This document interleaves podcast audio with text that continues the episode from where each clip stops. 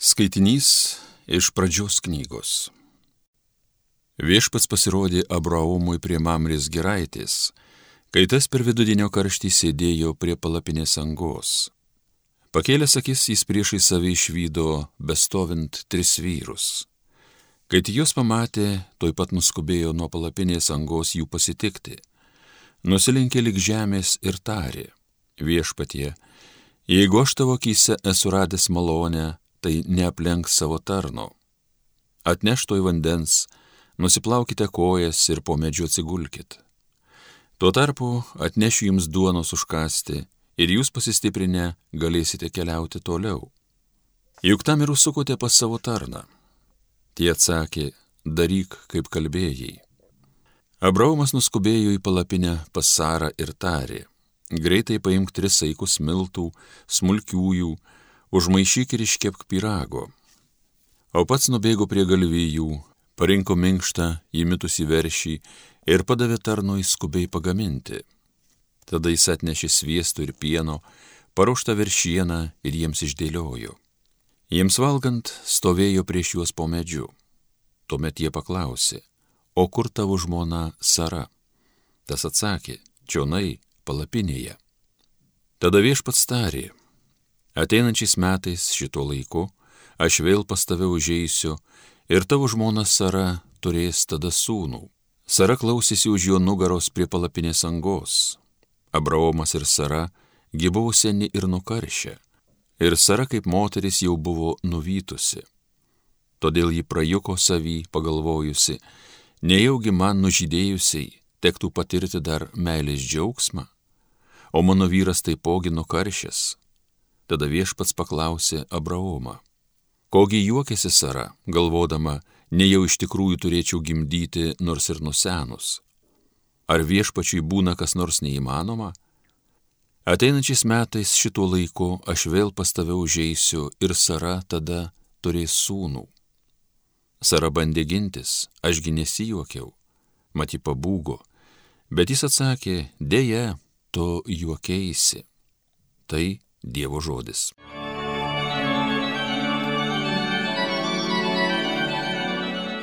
Viešpats ištiesi pagalbos ranką.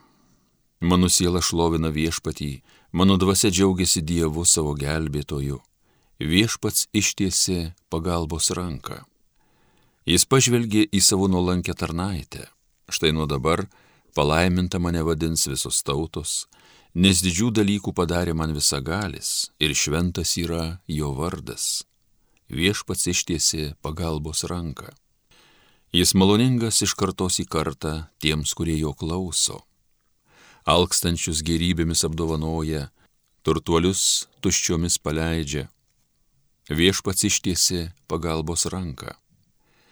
Jis ištiesi pagalbos ranką savo tarnui Izraeliui, kad minėtų jo gailestingumą kai buvo žadėjęs mūsų protėviams Abraomui ir jo palikuonims per amžius. Viešpats ištiesi pagalbos ranką. Alleluja, alleluja, alleluja. Jis pasėmė mūsų negalės, savo užsikrovė mūsų ligas.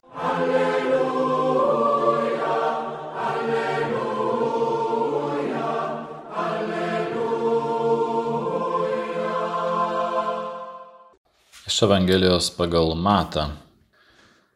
Sugryžus į Kafarnaumą prisartino prie Jėzaus šimtininkas maldaudamas viešpatie. Mano tarnas guli namie paralyžiuotas ir baisiai kankinasi. Jėzus jam tarė. Einu pagydysiu jį. Šimtininkas atsakė. Viešpatie. Nesuvertas, kad užeitum po mano stogu, bet tik targo žodį ir mano tarnas pasveiks. Juk ir aš, būdamas valdinys, turiu savo pavaldžių kareivių. Taigi sakau vienam eik ir jis eina, sakau kitam ateik čionai ir jis ateina, sakau tarnui daryk tai ir jis daro. Tai girdėdamas Jėzus stebėjosi ir kalbėjo einantiems iš paskos. Iš tiesų sakau jums, Niekur Izraelyje neradau tokio tikėjimo. Todėl aš jums sakau, daugelis ateis iš rytų ir vakarų, susės dangaus karalystėje prie stalo su Abraomu, Izauku ir Jokūbu. O karalystės vaikai bus išmesti laukan į tamsybės, ten bus verksmas ir dantų grėžimas. Šimtininkui Jėzus tarė, eik, tebūnie tau, kaip įtikėjai. Ir tą pačią valandą tarnas pagijo. Atėjęs į Petro namus, Jėzus pamatė jo uošpę gulinčią ir karščiuojančią.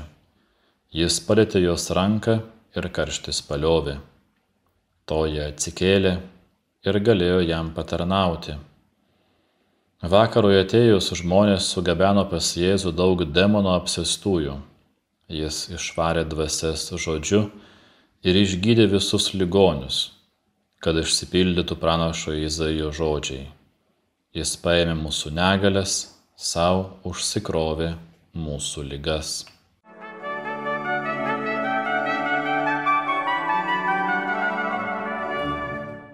Šios dienos Evangelijoje girdime puikiai mums pažįstamus šventų mišių liturgijos žodžius. Viešpatie nesuvertas. Žodžiai labai asmeniški, gilūs ir intimus. Evangelija mums pateikia aplinkybės, kuriuose šie žodžiai nuskambėjo. Tai buvo Kafarnaume, mylimame Jėzaus mieste, kuriame jis buvo geriausiai priimtas ir kuriame praleido daugiausiai laiko. Liturginių tekstų kanone kartojame pagonio kareivio žodžius. Šimtininko žodžiai viešpatie nesuvertas, gimė iš jo drovumo, iš jo rūpeščio žmogumi, iš vilties, o labiausiai iš jo tikėjimo. Kas slypi šiuose svetimtaučio žodžiuose? Šis okupantų karinės galios atstovas, tardamas šios žodžius, peržengia ribas kurias nubrėžia kalba, kultūra, religija.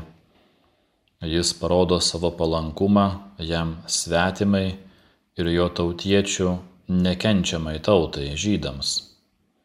Patys žydai teigiamai liudija apie šį romėną. Evangelijoje pagal Luką skaitome, jis myli mūsų tautą ir mums yra pastatęs sinagogą. Jie paremia jo prašymą, sakydami, jis to vertas. Ypatingą šimtininko jautrumą parodo visas šis įvykis. Jis ateina pas okupuoto krašto klajojantį mokytoją rabi, prašydamas sveikatos savo tarnui, arba, kaip skaitome kituose tekstuose, vergui. Romėnui vergas ar tarnas didesnės reikšmės neturėjo Tai buvo kilnojamas turtas, darbo įrankis. Tuo tarpu šis Evangelijos romėno aukšto karinio pareigūno nusistatymas yra kitoks. Jam tarnas yra kažkuo, yra asmeniu, yra tiek svarbiu, jog sužadino jo ypatingą susirūpinimą.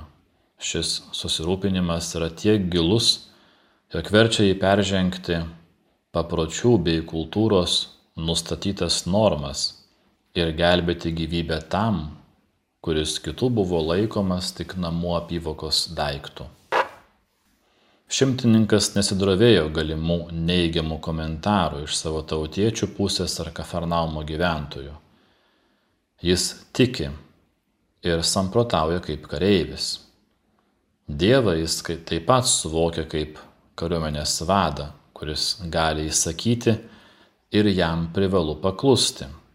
Taigi Dievas gali įsakyti lygiai, lygai ir ši privalo pasitraukti.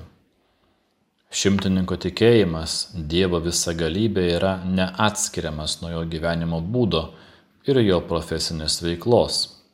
Jis tiki, jog Dievo visagalybė neturi jokių atstumo ribų. Rūpestis žmogumi ir tikėjimas Dievu daro stebuklus.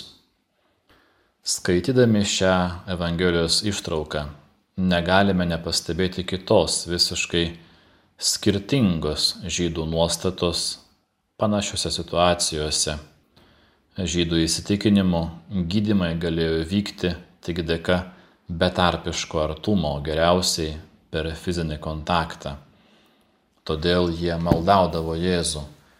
Ateik ir pasimelsk, uždėk rankas.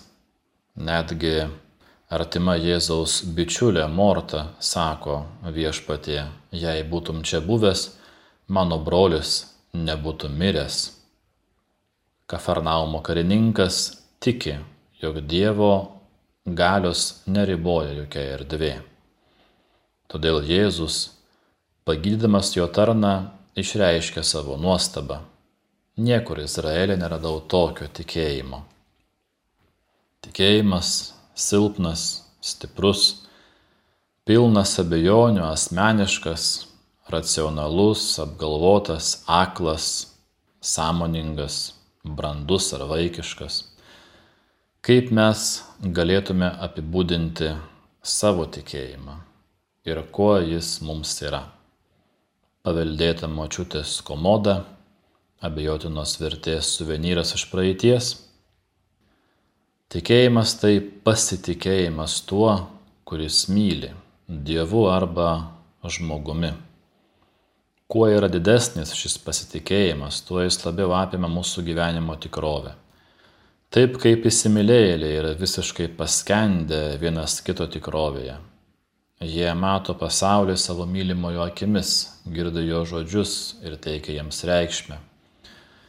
Taip ir tikėjimas persmelkia mūsų mąstymo, vertinimo būdą, gyvenimo nuostatą, sprendimus, veiksmus. Šimtininkui tikėjimas tapo neatskiriama gyvenimo tikrovė, taip kaip jo karinė tarnyba. Dievas jam tapo pačiu autoritetingiausiu karvedžiu Visgi negalime Dievo priversti jėga įsikišti į mūsų gyvenimą ir tvarkyti jį pagal mūsų užgaidas. Galime jį tik nuolankiai prašyti.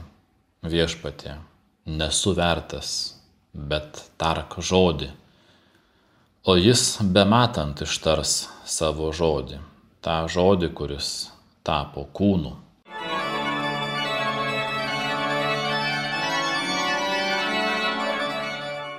Homilija sakė kunigas Vladimir Solovėjai.